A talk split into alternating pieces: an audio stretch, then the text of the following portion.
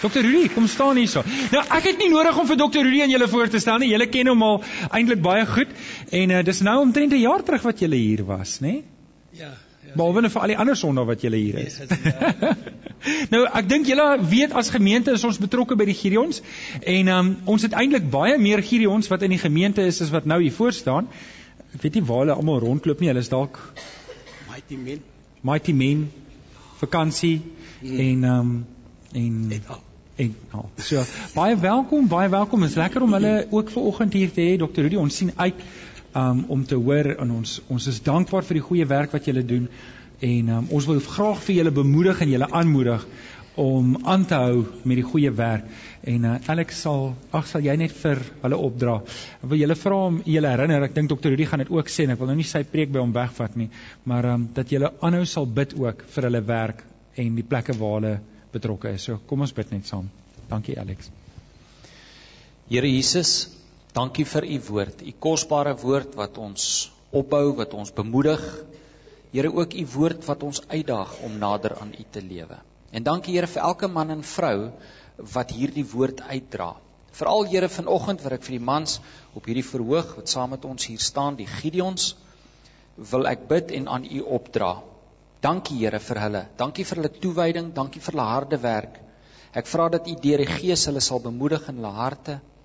Dat in tye van ontmoediging, Here, hulle sal onthou dat dit die grootste en belangrikste bedrag ge, opdrag is van u wat hulle uitvoer om u woord na die verlorenes te neem. Ons as gemeente bid vir hulle vanmôre. Ons bid u rykste seën op hulle en hulle gesinne toe. Ons loof en prys u. Amen. Amen. Amen. Amen. Dankie dokter Rudy. Baie dankie. Ek wil net sê, ehm um, Alex het nou gebid vir ons vir die mans, maar dis ons die mans en ons vrouens wat as hulpgroep bekend staan wat die wat die werk doen. Dit is sommer net 'n uh, regstelling dat hulle nou nie verkeerd verstaan en dink hy het nie gebid vir die dame ook nie. En ek wil vir Dominee Johan vra, ek het nou gekyk na die ehm um, die uh, video oor die oor die huis wat gekoop is. Maar soos baie van die seker weet, het hy op 'n stadium per abuis in die swembad geval met klere en al, selfoon en al. En ek het hom nog nie gevra nie of hy gekyk het in sy sak of dan nie dalk 'n paar paddavissies agtergebly het nie. Die skriflesing uh, vanmôre gaan wees uit Joshua 1 vers 7 tot 9, is net 'n kort skriflesing. Maar voor ons saam lees, kom ons ons bid net gou saam. Die Here, dankie vir die geleentheid dat ons weer vanmôre hier kan saam wees om om onder die geklank van die woord te kom.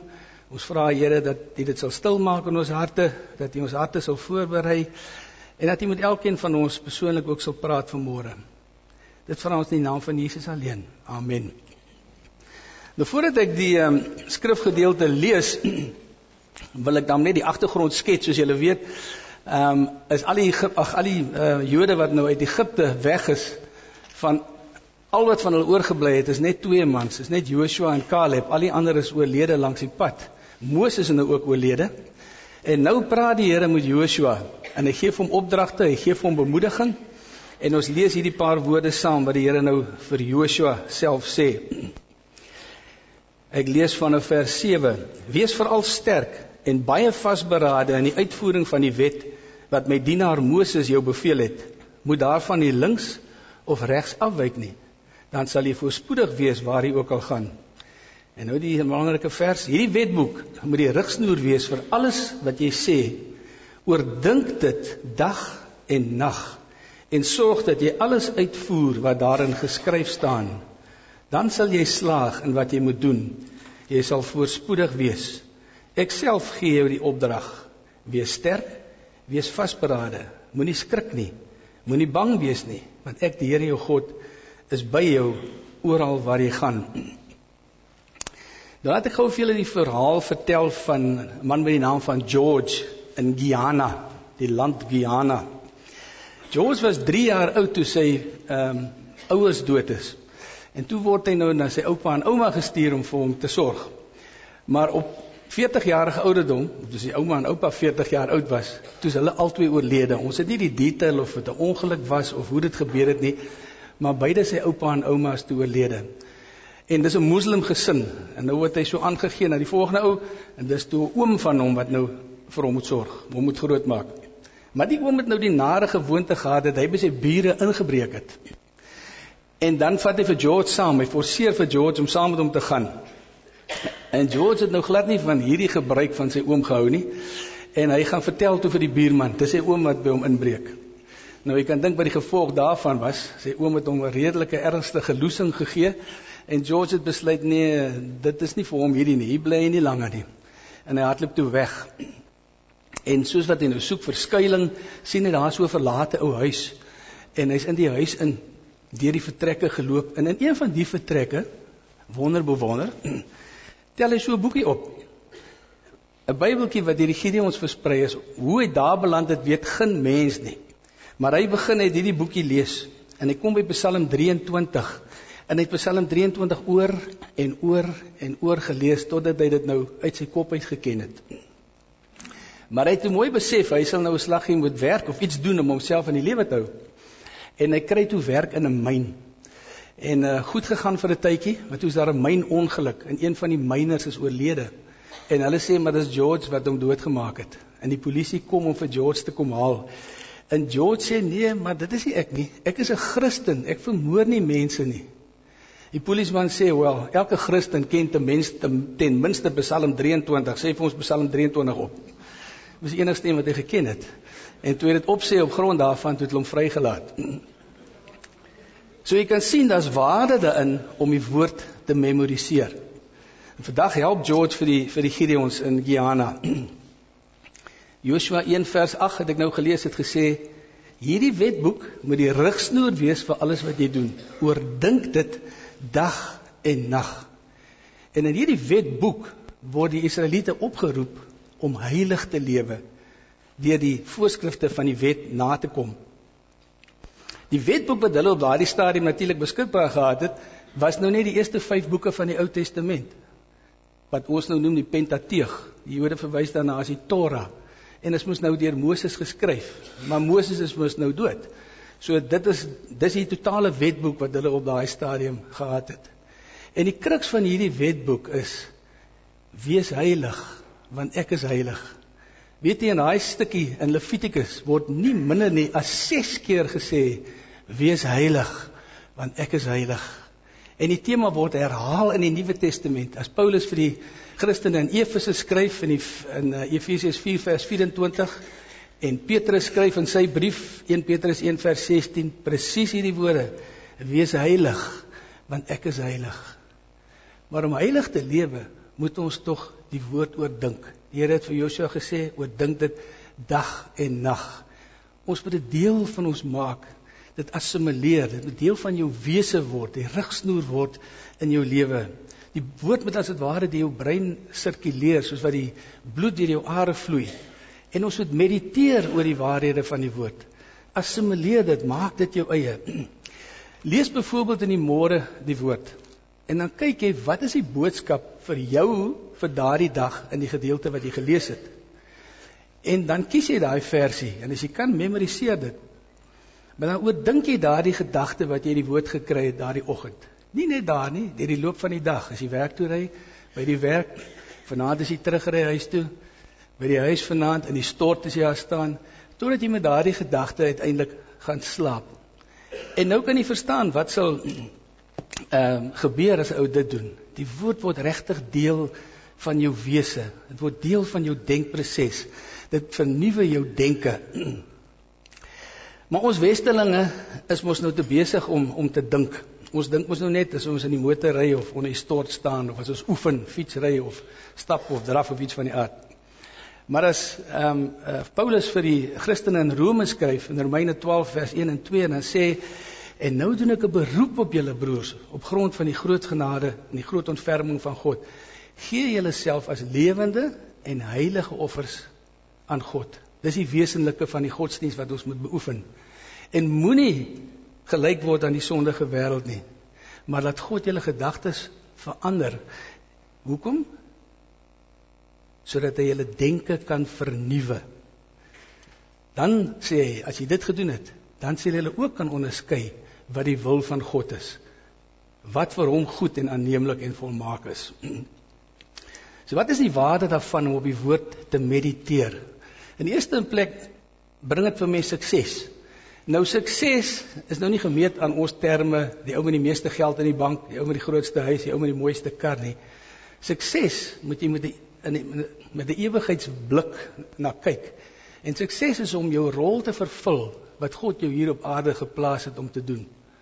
Die funksie wat hy vir jou in gedagte gehad het toe hy jou hier geplaas het om daardie funksie, daardie rol te vervul.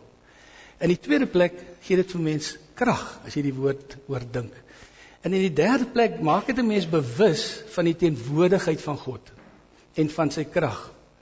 As iemand die hele tyd in jou oor fluister, dan beteken dit dat hy baie naby aan jou is. En as jy die woord oordink en mediteer, dan is dit presies wat gebeur. Dis asof God die hele tyd in jou oor fluister en vir jou die riglyn is vir jou lewe om vir jou te sê wat om te doen. Paulus skryf vir hierdie selfde Christene in in Rome in Ro, in Romeine 10 vers 8 en sê naby jou is die woord in jou mond en in jou hart. Dit is die woord van die geloof wat ons verkondig. Ek wil vir u voorstel probeer om die Bybel te lees in in eenhede. Kyk, daar's 66 boeke in die Bybel. So dan gaan ten minste 66 boodskappe vir my wees, ten minste. En 'n mens het mos nou maar struikelblokke en probleme in die lewe. En nou hier het jy 66 vriende wat as dit ware 'n inspraak in jou lewe kan maak. Neem byvoorbeeld sê nou maar argument so daar by die boek van Lukas hierdie maand. Dan lees jy nou vir Lukas oor en oor totdat jy seker is die wat die boodskap vir jou is in Lukas. Dat jy regtig dit deel van jou gedagtes, die deel deel van jou van jou wese maak. Want ek wil mos nou dit is soos wanneer ek in 'n vertrek instap met 66 vriende wat 'n inspraak in my lewe kan maak. En ek wil met elkeen van hierdie vriende wil ek mos nou tyd spandeer. Want wonderlik genoeg, die Bybel is klein genoeg om in jou hand vas te hou, maar dit is groot genoeg om vir jou 'n leeftyd besig te hou en diep genoeg om jou tot in ewigheid te bevredig. As jy daaraan dink dat die Bybel geskryf is oor 1500 tot 1600 jaar, deur tussen 40 en 45 outeurs in drie tale, in drie kontinente en dit het 'n logiese begin en 'n logiese einde en die sentrale karakter is Christus. Ek bedoel, wat is die kanse? Dit moet mos deur God geïnspireer wees om so 'n woord saam te stel. En dit is hierdie woord wat God vir ons gee om te bestudeer, om ons eie te maak, om deel van ons wese te maak, om ons toe te rus. As Paulus vir Timoteus skryf, dan sê die hele skrif is deur God ingegee en is nuttig tot lering, tot weerlegging, tot regwysing, tot onderwysing in die geregtigheid, sodat elke gelowige volkome toegerus kan wees. Volkome toegerus vir elke goeie werk. En as Gideon het ons nou die voorreg om hierdie woord te versprei. Ons het uh, op hierdie stadium die woord beskikbaar, die gedrukte woord beskikbaar in 104 tale wat ons in 200 verskillende lande van die wêreld versprei. Maar ons het ook die Gideon Bible app. Ehm um, ek dink amper ek het 'n papiertjie in my sak. Dit is nou te klein, julle sal nou nie die details sien nie. Maar dis 'n uh, dis 'n app, jy kan hom kyk op die App Store. As jy iPhone het, kan jy hom aflaai of as jy Android het, by die Play Store, jy kan dit gratis aflaai. En hierin is die Bybel in meer as 1100 tale. En baie van hulle het audio. So as 'n ou nie kan lees nie, dan kan jy vir hom die Bybel laat luister in sy eie taal.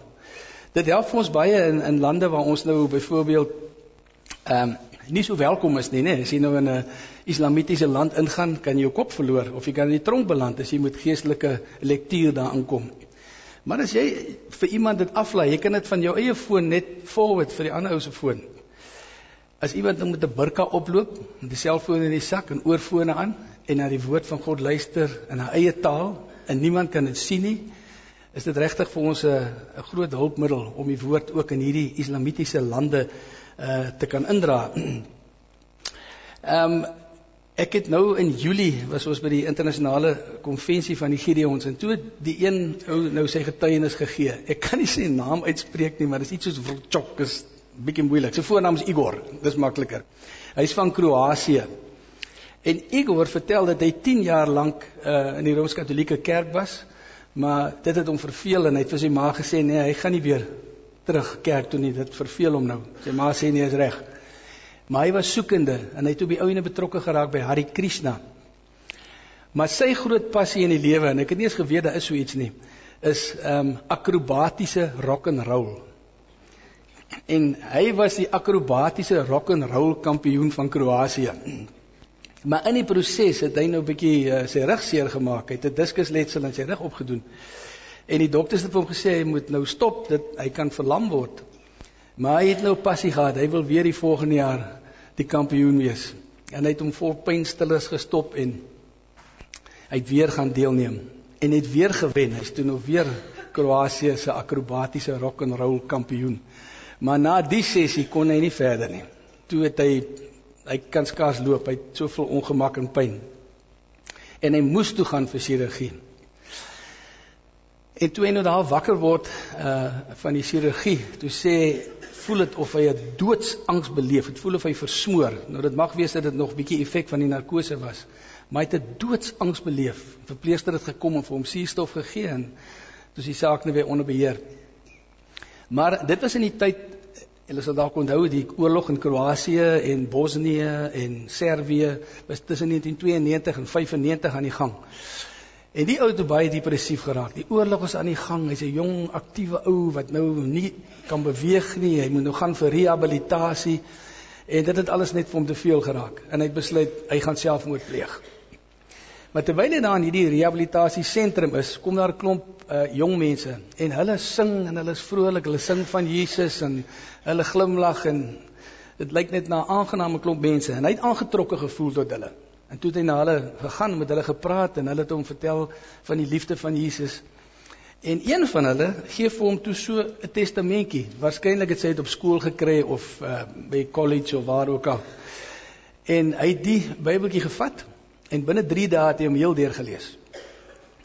En toe het hy op die laaste bladsy gekom en op die laaste bladsy het ons ons sê altyd die GPS, God's plan of salvation. Kortliks die plan van saligheid uiteengesit. Baie kortliks, baie eenvoudig. En as mens met iemand praat, is dit regtig so eenvoudig. Jy jy hoef nie die vers uit jou kop eers te ken nie. Jy kan homself laat lees en dat die Heilige Gees met hom praat en hom oortuig. Maar hy het die boekie deur gelees en toe op die einde kom toe uh, o en dan sê ons gewoonlik as jy regtig die Here aangeneem het, skryf dan jou naam hier agter en daar's 'n plek daarvoor. Hy het toe sy naam daar ingeskryf want hy het regtig die behoefte gehad om die Here aan te neem. Die volgende dag is hy in 'n woud wat nou aangrensend is, deel van die gronde van hierdie rehabilitasiesentrum. En terwyl hy daar in die woud te sê, hy wou net, hy wou net sê Here red my. Maar asof die Satan hom weerhou en hy kan nie woorde nie uitkry nie. En op 'n stadium het hy net uitgegil en gesê Here red my asseblief. En hy sê dit vir hom gevoel soos gewig wat van sy skouers afvoel, afval en hy besef dat hy wedergebore is. Baie entoesiasties het hy toe gegaan en sy woord versprei. Hy het 'n klomp van sy familielede na die Here gelei.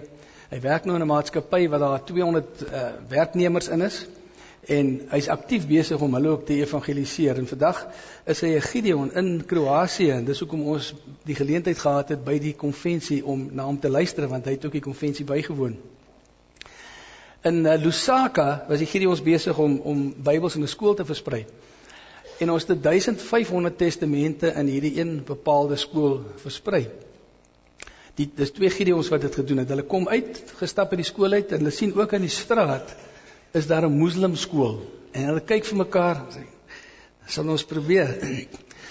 en ehm uh, hulle stap toe oor, maar die skool is omheind met ehm um, lemmetjies draad by die hek staan daar 'n wag met 'n AK47 en hulle stap na die ou toe en die ou sê wie sê hulle wat wil julle hê? Hulle sê wel ons is Gideons en ons wil graag vir elkeen van die leerders net so 'n boekie gee. Hy vat die testamentjie en hy blaai sodat deur lees so 'n paar plekke. Hy sê ja, dis 'n goeie boekie. Ek dink die imam moet kennis neem hiervan.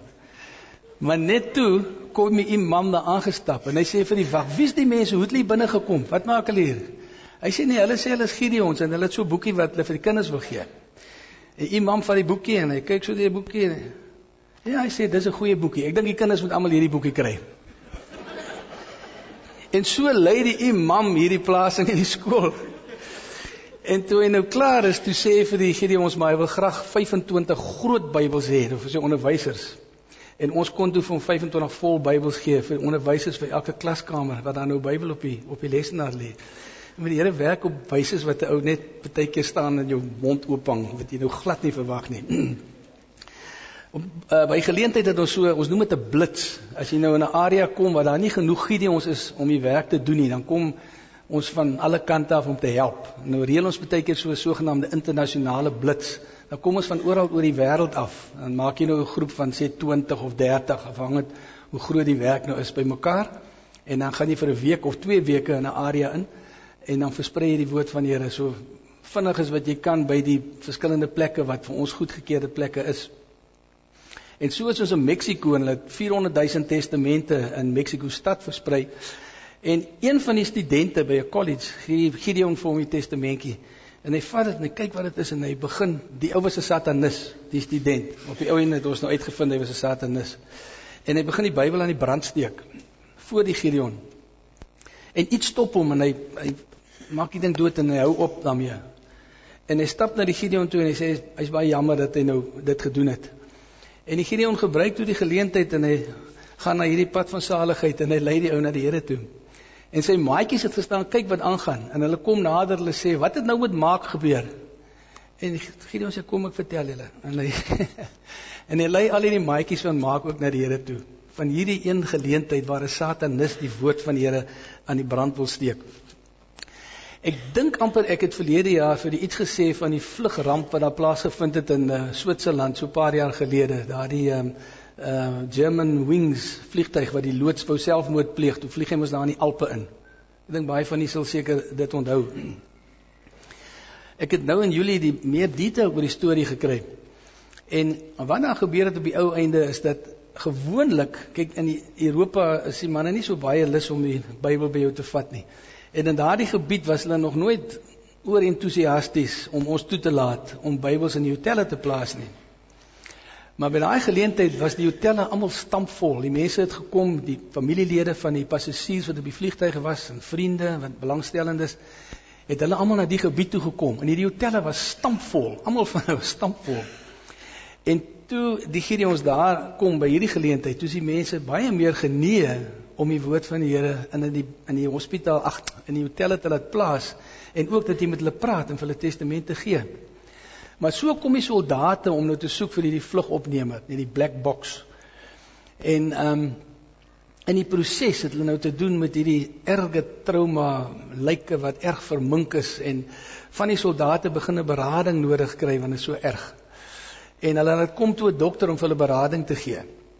Maar later het die dokter self ook berading nodig van al hierdie trauma. En ehm um, die Gideons gaan na die bevelvoerder van die soldate en hulle sê ons wil graag help. Ons wil graag die woord van die Here vir julle gee as 'n troos ehm um, en as leiding of hulle of in hierdie situasie. En die bevelvoerder sê enigiets wat sal help. En so het ons tot die geleentheid om vir al hierdie soldate ook nog uh te midde van hierdie ramp die woord van die Here beskikbaar te stel. En die interessantigheid is dat die Gideons het nie so intoe gegaan in reaksie op die feit dat daar 'n ramp was nie. Hierdie plasing was lankal voor die tyd gereël. Ons sou in elk geval gegaan het.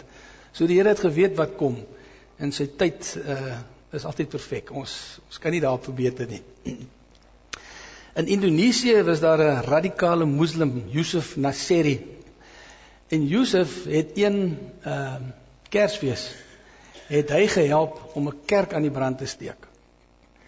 Maar daarna het hy nooit regtig vrede in sy hart gehad nie. Die ding het hom nou nogal gehinder. Dis 'n jong ouetjie, jong radikale moslim. En by geleentheid is hy hierdie ons by die skool en hy kry so 'n testamentjie. En ehm um, hy vat hom saam en hy begin lees by die by die huis in die testamentjie. En hy kom by Johannes 14 vers 6. Dit sê niemand kom na die Vader behalwe deur my nie.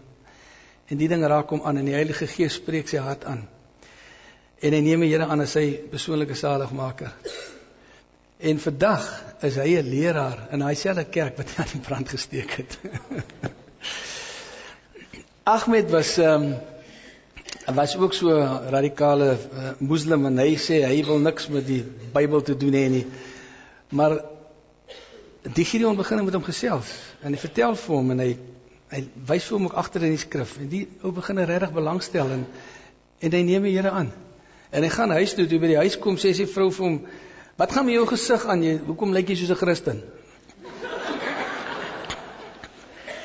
En hy hy wys vir haar die Bybeltjie en sy is woedend kwaad. Sy sê ek vervloek jou, ek gaan jou vermoor. Ek vervloek God, ek vervloek die Bybel, ek vervloek die kerk en sy vat die Bybel en sy gooi hom teen die muur. En die Bybeltjie hop terug en hy val op op 'n uiters onwaarskynlike plek. Hy val op op Openbaring 3. Ag Openbaring 13 vers 6 tot 9 waar daar word gepraat word van die van die dier wat opkom uit die see. En dan begin dit en hy sê hy het teen God gelaster en hy het God se naam en sy woonplek en die wat in die hemel bly belaster. En dan gaan dit aan om te sê almal is verlore wie se naam nie in die boek van die lam geskryf is nie. En hierdie verse raak haar so aan en sy bars daar in trane uit en sy neem die Here aan. Vandag is sy 'n Christen en sy het ook al 'n uh, heel party van haar familielede na die Here gelei. Net vir oulaas wie enetjie vertel van um, of amper vir oulaas. Ehm um, van die Gideons wat in Panama uh in die hotel wou gaan Bybels plaas. Hulle maak toe 'n afspraak met die hotelbestuurder en hulle wag vir die ou en hy daag nie op nie. Maar hulle is nie ontmoedig nie. Hulle sê okay, hier is ons kontakbesonderhede. As die dominee terugkom of dominee die, die bestuurder terugkom, dan moet hy ons asseblief kontak. En heel wat later, toe bel hierdie hotelbestuurder, die Gideons. En hy vertel vir die storie. Hy sê hy was in Skotland gewees uh, met besigheid en hy het verskriklik uh, eensaam gevoel. En toe in die hotelkamer waar hy was, lê daar toe 'n Bybel wat die Gideon daar geplaas het. En hy het opgetel en hy het begin lees en hy het geweldig troos gevind want hy het verskriklik verlang vir die huis. En troos gevind daarin en uiteindelik ook die Here leer ken daardeur. En uh hy kom toe terug en hy sê maar asseblief ons moet Bybels in sy hotel plaas en by al die ander hotelle waarby hy betrokke is, moet ons ook asseblief Bybels in die hotelkamer plaas. Interessant genoeg het hy bietjie later teruggebel en hy sê hulle hulle het 'n Bybel wat hulle daar aan die linkerkant van die bed sit, maar die Gideon se Bybel wat presies dieselfde is, het hulle aan die regterkant van die bed neergesit. En die mense steel die een wat die Gideons neergesit het, nie hulle ene nie. Nou moet asseblief nog bring. Nou ja, ons sê altyd ons is die enigste vereniging, enigste Christelike vereniging wat diefstal aanmoedig. Want dis 'n Dit ou Bybel steel het hom nodig. Ehm um, in die Ivoorkus uh, is daar ook so 'n jong moslim en hy wil ook eers niks met die Gideons te doen hê en met die Bybel te doen hê en hy sê hy's 'n moslim en sy pa is 'n imam. Maar toe hulle eintlik die die skool besoek en en 'n die Bybels daar versprei onder die die leerders, toe neem hy tog eene, vreemd genoeg, maar hy kom by die huis en hy gooi hom ook aan die hoek van die kamer. Hy het nie belang daarbey nie. Een aand kan die ou nie aan die slaap raak nie. Hy lê daar en hy rol rond en hy rol rond en hy kan net nie slaap nie. En hy dink, "Wel, miskien as ek iets het om te lees, dan uh, dan raak ek vaak, raak ek aan die slaap." En hy onthou die Bybeltjie wat daar in die hoek lê. En hy gehaal hom en hy lees Hy het amper glad nie geslaap die nag nie. Hy het feitelik die hele nag deur gelees. En die volgende oggend toe sy na die moskee toe, en heel onverwags neem hy die mikrofoon in die moskee en hy sê Jesus Christus is die Here. Nou jy kan dink wat wat die gevolg was, het hom uitgeskop in die moskee, het hom uit die huis uitgeskop. En vandag lei hy so 'n fellowship groep in in uh, Côte d'Ivoire, uit die Voorkus. En hy het al baie mense na die Here gelei in die proses. Nou ek wil voor ek afsluit wil ek net vir julle goue 'n video wys. Ehm um, wat ook nou net in in Julie toe ons by die internasionale konvensie was in Amerika, het hierdie dame haar getuienis gegee. Dit is altyd beter om dit eerstens te hoor as wat ek dit vir julle vertel. En ek vra dat julle net vir ons die video speel en uh, dan sal ek daarna net afsluit.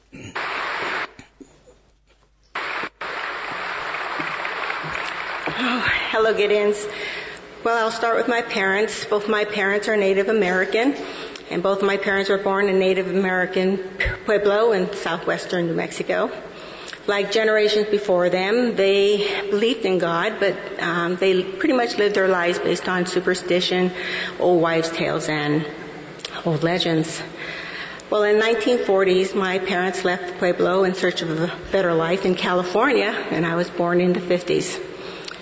Well, as a, a little girl, I saw my, how my parents lived, and I pretty much chose not to believe like they did, and so I decided I wasn't going to believe in anything. But it didn't last long because when I was eight years old, my third, my third grade class was uh, teaching us about evolution. and I really loved it. So I quickly embraced the mantra of survival of the fittest as my mantra. After all, surviving seemed to be in my blood.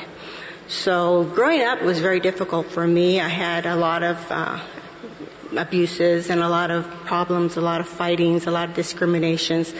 But I seemed to get through it okay. But I grew increasingly angry because I saw that life didn't seem to be fair. So by the time I became a young teenager, I was angry because I saw life pretty much as a human jungle. And so I knew that there was people bigger and stronger and tougher than me, but um, I knew I needed to line myself with something that I could believe in.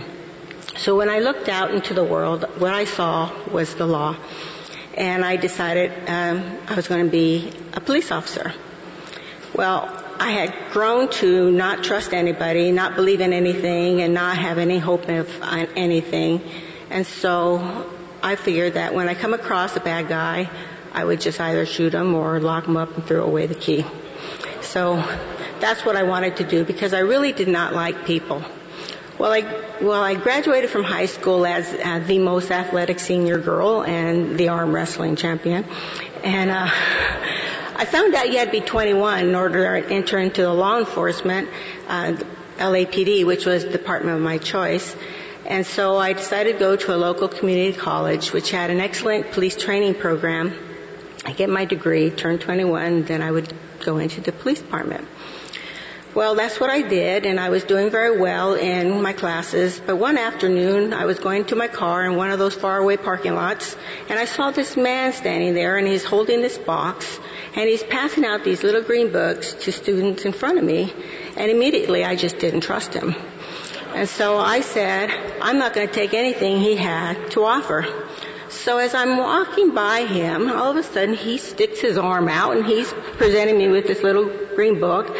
And I say no, but he follows me as I'm walking by with his arm extended like this. And for some reason, I looked at him, I looked at the little green book, and I took it. So I hurried off to my car, sat in there, opened it up, and I saw that it says where to find help when you're lost or when you're sad or when you're in trouble. And I thought, hmm, this is a little self-help book. Well, isn't that nice? But I didn't need any help at the time. And so I kind of tossed it into my book bag and I just went on my way. Well, it wasn't until the following year that I had to take a class called Principles and Procedures of the Justice System. And one of the class, uh, one of the requirements of the class was that I go to the county courthouse and sit in on some of the court cases and listen in and write a short brief about it. So that's what I did. And as I did that, I was uh, watching these bad guys standing before the judge, and they were being released on some technicality or another. And and I thought, wow, what I had placed my faith in, what I placed my trust in, was flawed apparently the Miranda law had just come into effect and these people weren't being properly Mirandized and they were being let go. Well, with a young impressionable mind like me and who expecting the law to be perfect, I left disillusioned. And so one night as I was trying to do my homework and I was having problems concentrating, I remembered my little green book, which I had kept, and I went and got it and I started to read it. And I thought, wow, this is really great. This is dealing with all my feelings. And somehow the words rang true to me. And as I continued reading, I would take this little green book with me wherever I went because it pretty much dealt with a lot of things that I was feeling and in my family just did not deal or show your feelings. And so uh, one night as I was on my own, I was mulling over the back of the book and it uh, was talking about Jesus. And I had never heard about Jesus before other than in Christmas songs and I really didn't understand what those were talking about. But here they were saying about um, being a sinner. And somehow I knew that being a sinner meant that you were bad. And boy did I know I was bad. And so it was talking about that Jesus died for my sins and he would forgive me of those sins. So that meant Jesus would forgive me if I accepted my Savior. And I was looking this over and I'm reading and reading and reading it. And I decided I was going to believe it and trust Jesus as my Savior. And so I did. But the problem was, I did not know anybody who believed in Jesus and I had never met anybody who talked about Jesus. So I kept this to myself and I continued with my studies with a, with a newfound enthusiasm. Well, I graduated from school with my little degree and I had some recommendations for the LAPD, but I wasn't 21 yet and I had to get a summer job. So I managed to get a job, providentially actually, uh, with a large aerospace company in their security department. Well, this, the job was great. I got to wear a uniform, wear a gun, drive a little patrol car, and uh, enforce some rules. And I really liked it. And apparently they liked me, and they asked me to stay on. Well, I thought, well, I'm supposed to go into the police department, but I'll give it a year. Well, the following year, I didn't go into the police department, and as I thought back, I thought I had changed my mind about becoming a police officer because I believe God had been changing my heart. And I started to trust people, and I actually started to like people. Well, I get I get promoted, and then after a few more years, I get promoted again. And eventually I found myself working at corporate security. And it was a very good job. And I had a very good position. And I was doing very well. And um, I was very happy doing what I was doing. Well, a few years passed and I found myself not happy anymore. And I'm close to 29 years old and I wasn't married and I told people for the longest time I didn't want to get married. I planned on being a career woman. And much to my mother's disappointment, I kept saying, I'm not going to get married. Well, um, because I was growing disenchanted in my life, I felt there was something missing. There was this void. I couldn't understand what it was. So one day I was watching TV. I, I turned on the TV and up pops up this TV preacher and he starts talking about Jesus. And I said, oh, that's right, Jesus. And I ran and got my little green book and I started to follow along with him and I realized that this was a Bible. And I thought, wow, I never knew that was a Bible because I had never even really read a Bible or seen a Bible. So I did something I had never done before. I decided to talk to God with, with my mouth. I mean, just out loud. And so through the walls of my apartment, I said, Dear God, I want to know you better. I need to know this little green book better. I'm not happy in my job. I need you to show me where you want me to go and what you want me to do. And I just kind of left it there. Well, it was just a matter of weeks when a, a, director of security over here approached me up here and he asked me to join his team. The caveat was I had to stop here in order to get my top secret clearance, but it was only temporary. Well, I had come from there and I really didn't want to go back there. And so, but I decided, yes, I, I agreed. Well, I was, had to be updated on current protocols and procedures and they assigned me a uh, training officer to train me and bring me up to date. Well, this training officer was not only knowledgeable of those current protocols and procedures, but he was also a Christian. He was also a Bible teacher and he was also a former pastor. But to really stack the deck, God made him single. well, he found out about my little green book experience and he started discipling me. He brought me up to date, but I also within two months we were engaged. Within six months we were married. and then after 10 years on the job, I left to start my family. Well, I, I had been learning. I started teaching children. Uh, my husband's working in Sunday school. All of a sudden, I'm teaching youth. My husband gets ordained. Now I'm teaching women. And uh, all of a sudden, he accepts a pastor, and now I'm pastor's wife. And I'm thinking, what happened? What, what I found out was when I was praying in the ceiling about God showing me a different direction, this tall training officer was asking God to send him a wife. And I didn't know that.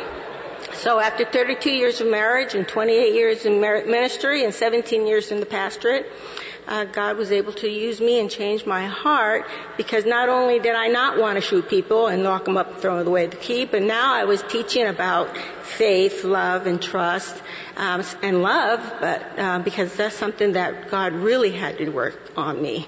So um, Philippians 1 6 says, being confident of this very thing, that he who begins a good work in you will carry it to completion in the day of Jesus Christ. And that good work began in me because there was a Gideon standing out in a hot afternoon in a faraway parking lot willing to pass out these free little green books to people like me so someone like me can reach up and receive that free gift of salvation through Jesus Christ and then turn around and be used by Him again to share that same message with countless people, including my parents, and bringing them to a saving knowledge of Jesus Christ. So, so thank you. So thank you, Gideons, for being that instrument that God used to totally change my life. It seems that everything I set out to do didn't come to pass, but everything God wanted me to do did come to pass. So, God bless you. May God bless this ministry.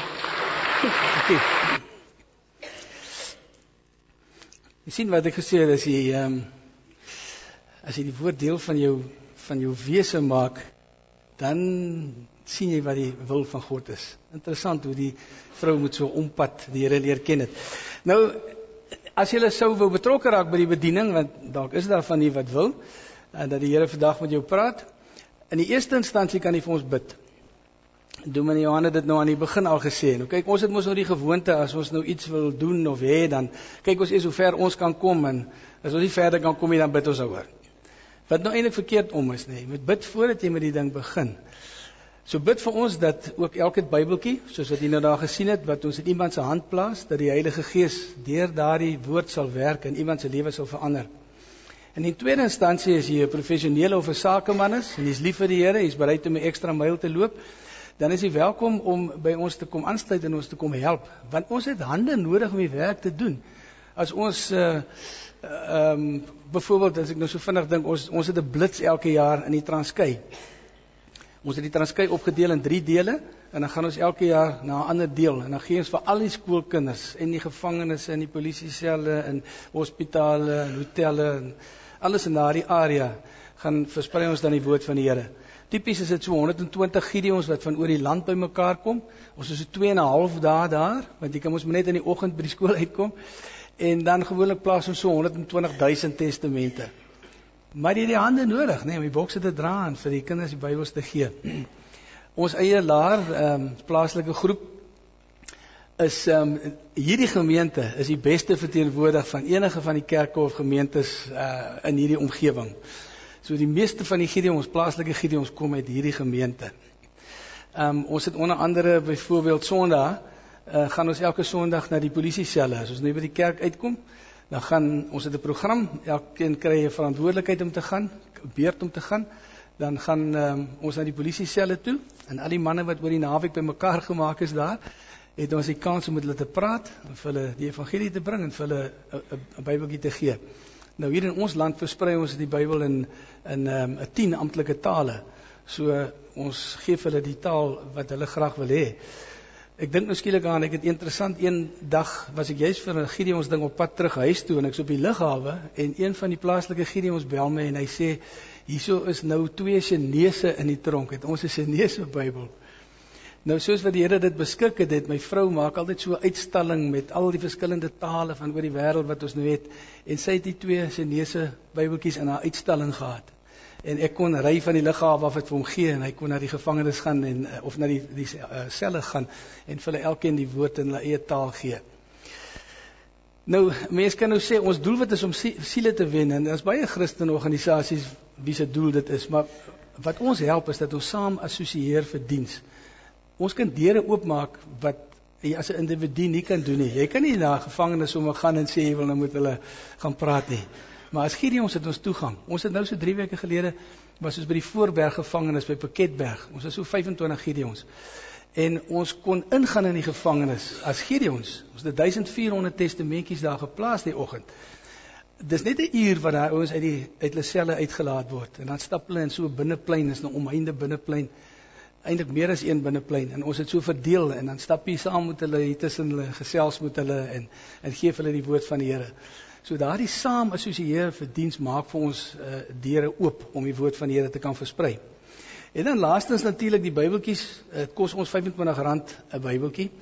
As jy sou wil betrokke raak, ons het van hierdie uh, pamflette uitgedeel. As jy nie gekry het nie, kan jy uh, net vir my kom vra na die tyd of jy kan gewoon kyk op ons webtuiste en dit is vreeslik maklik om te onthou www.gideons.co.za Ehm um, dan kan jy bietjie meer inligting kry. Ehm um, as 'n vriend van die Gideon kan jy 'n gebedsvriend word waar jy vir ons bid en ons hou uh, gee vir jou gereelde kontak met inligting van die Gideons of jy kan 'n finansiële vriend word waar jy bydra maak. En as jy 'n bepaalde bydra maak, dan kry jy elke kwartaal gee ons vir jou vier van hierdie testamentjies uh, gratis by en jy kry ook 'n boekie wat sê um share Jesus without fear wat vir jou leer om persoonlike werk te doen. Nou dis nie die Gideons wat die groot opdrag gekry het om disippels te maak nie. Al ons Christene of almal van ons as Christene het die opdrag gekry. En dis 'n baie maklike manier om mense van die Here te vertel met hierdie opsomming van die pad van saligheid. So jy kan self van die Bybeltjies in die hande kry. Hy het net nie die Gideon embleem op nie, maar die res is presies dieselfde. Uh waarmee jy jou eie persoonlike uh, werk kan doen. Ehm um, as julle onthou so twee sondae gelede het Dominee Johan gesê wat is sy ehm um, sy sy uh, passie of sy visie vir die identiteit van hierdie gemeente. As julle onthou het dit reg aan die einde gesê. Hy het vier goed genoem. Hy het gesê hy wil hê dat ons 'n gemeente sal wees met 'n passie vir verlore gaande siele. Hy het ge, gesê ons moet 'n gemeente wees wat die woord ken en lief is vir die woord. Derdens het hy gesê ons moet 'n gemeente wees wat disippels maak. En die laaste was dat ons 'n biddende gemeente sal wees. Nou jy kan hoor die goed is presies in lyn met wat die Gideons doen. Ons het sewe geestelike doelwitte en hierdie is vier van ons sewe geestelike doelwitte. So ons is in presies in lyn met wat hierdie gemeente doen. Baie dankie vir die voorreg en die geleentheid om bietjie vir julle oor die Gideons te vertel. Dis regtig opwindend as 'n mens die getuienisse kry en as jy voor jou oë sien dat die Here iemand aanraak Kyk hierso hoor jy dit nou tweedehands, maar 'n ander storie is jy met iemand praat en hom die Bybel gee en hy neem die Here aan voor jou oë. Ehm um, so benut die geleentheid as jy wil om vir ons te kom help op een of ander wyse. En ons sien julle weer ehm um, nie volgende Sondag nie, dan soos by die internasionale of die nasionale konvensie van die Gideons, maar die Sondag daarna sal ek weer hier op julle wees. Baie dankie en baie dankie Dominee Jan vir die voorreg om om hier te kan kom deel wat die Here met die Gideons gedoen het in hierdie afgelope jaar. Baie dankie. Kan ek net afsluit met gebed? Here ons dankie vir die voorreg wat ons het om vir U te kan werk. Here U het vir ons so baie gedoen.